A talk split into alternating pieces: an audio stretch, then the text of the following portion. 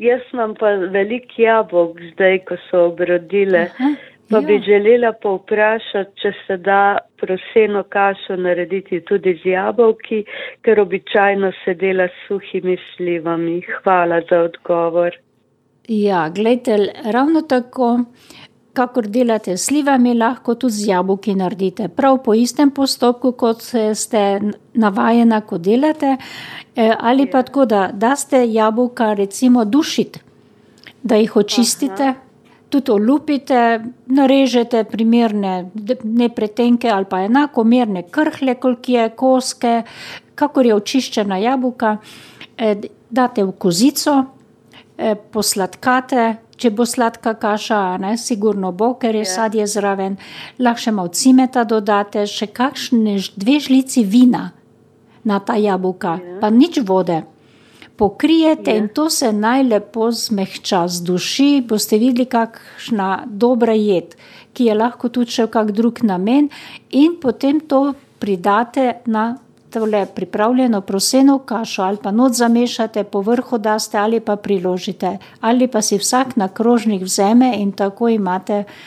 Prav tako z jabolki, kakšna hruška zraven, tudi slivo lahko zraven daste.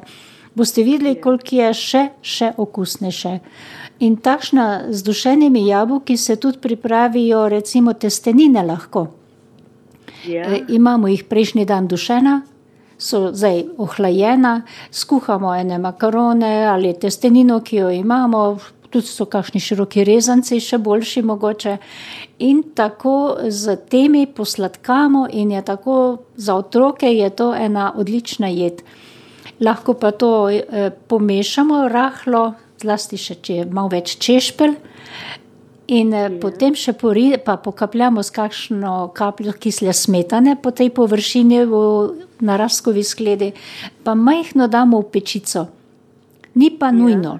Lahko takoj postrežemo, gledajte, in tako uporabljamo sadje s testenino. Pa so razni obroki ali pa bolj za večerje, ko pridejo iz šole, pa tako da je nekaj preprostega, lahkega in je takole za eno tako kombinacijo. In to sadje kar sproti čistimo vsake toliko dni, naprimer, pa zdušimo, če pa je tega malo več, pa celo takoj, ko je to vroče, vrelo, naložimo en kozarc kot marmelado v kozarc, zapremo in nam konzervira, pa to porabimo po zimi, kdaj v isti namen.